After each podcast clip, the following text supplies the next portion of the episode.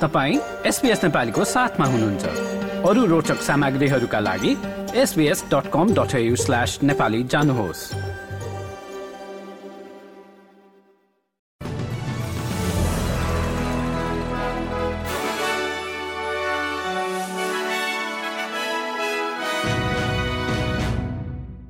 नमस्कार। आज सोमबार बाइस जनवरी सन् दुई हजार चौबिस।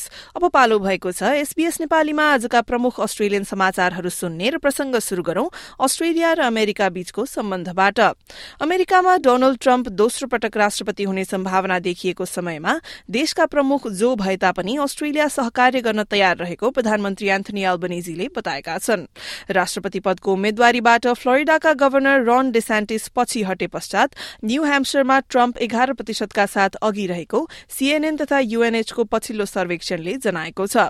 अस्ट्रेलिया र अमेरिकाको सम्बन्ध देशका प्रमुखको आधारमा नभएर साझा मूल्य मान्यतामा आधारित रहेको प्रधानमन्त्री अल्बनेजीको भनाइ छ।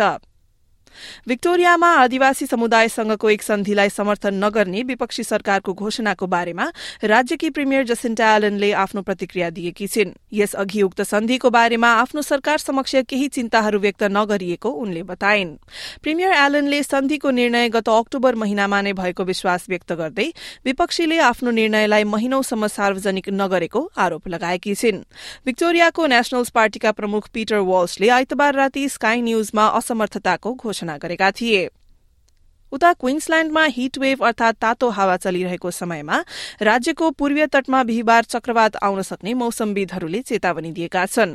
राज्यका केही क्षेत्रहरूमा अत्यधिक गर्मी भएसँगै बजवेल र सेन्ट जोर्जमा तापक्रम क्रमशः चौतिस डिग्री र एकचालिस डिग्री पुगेको बताइएको छ।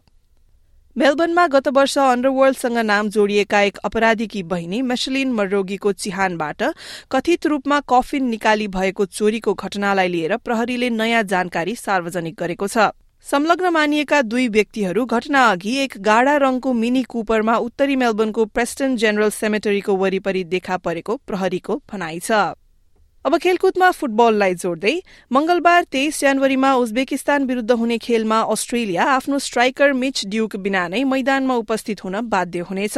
तेत्तीस वर्षीय ड्यूकको खुट्टामा लागेको चोटका कारण उनी प्रतियोगिताका भावी खेलहरूमा नखेल्ने सम्भावना रहेको छ भने भोलि अल जनुब रंगशालामा हुने खेलमा उनको ठाउँमा ब्रुनो फर्नरोली हुनेछन् र समूह बीमा प्रथम स्थान हासिल गर्न अस्ट्रेलियाले यस खेलमा जित्न वा बराबरी गोल गर्नुपर्ने बताइएको छ।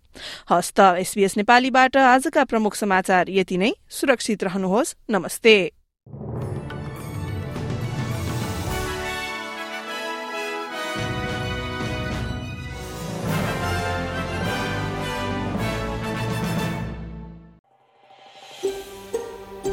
यो जस्तै अन्य प्रस्तुति सुन्न चाहनुहुन्छ? एप्पल पोडकास्ट गुगल पोडकास्ट स्पोटिफाईमा हामीलाई खोज्नुहोस् वा तपाईँले पोडकास्ट सुन्ने अन्य सेवामा।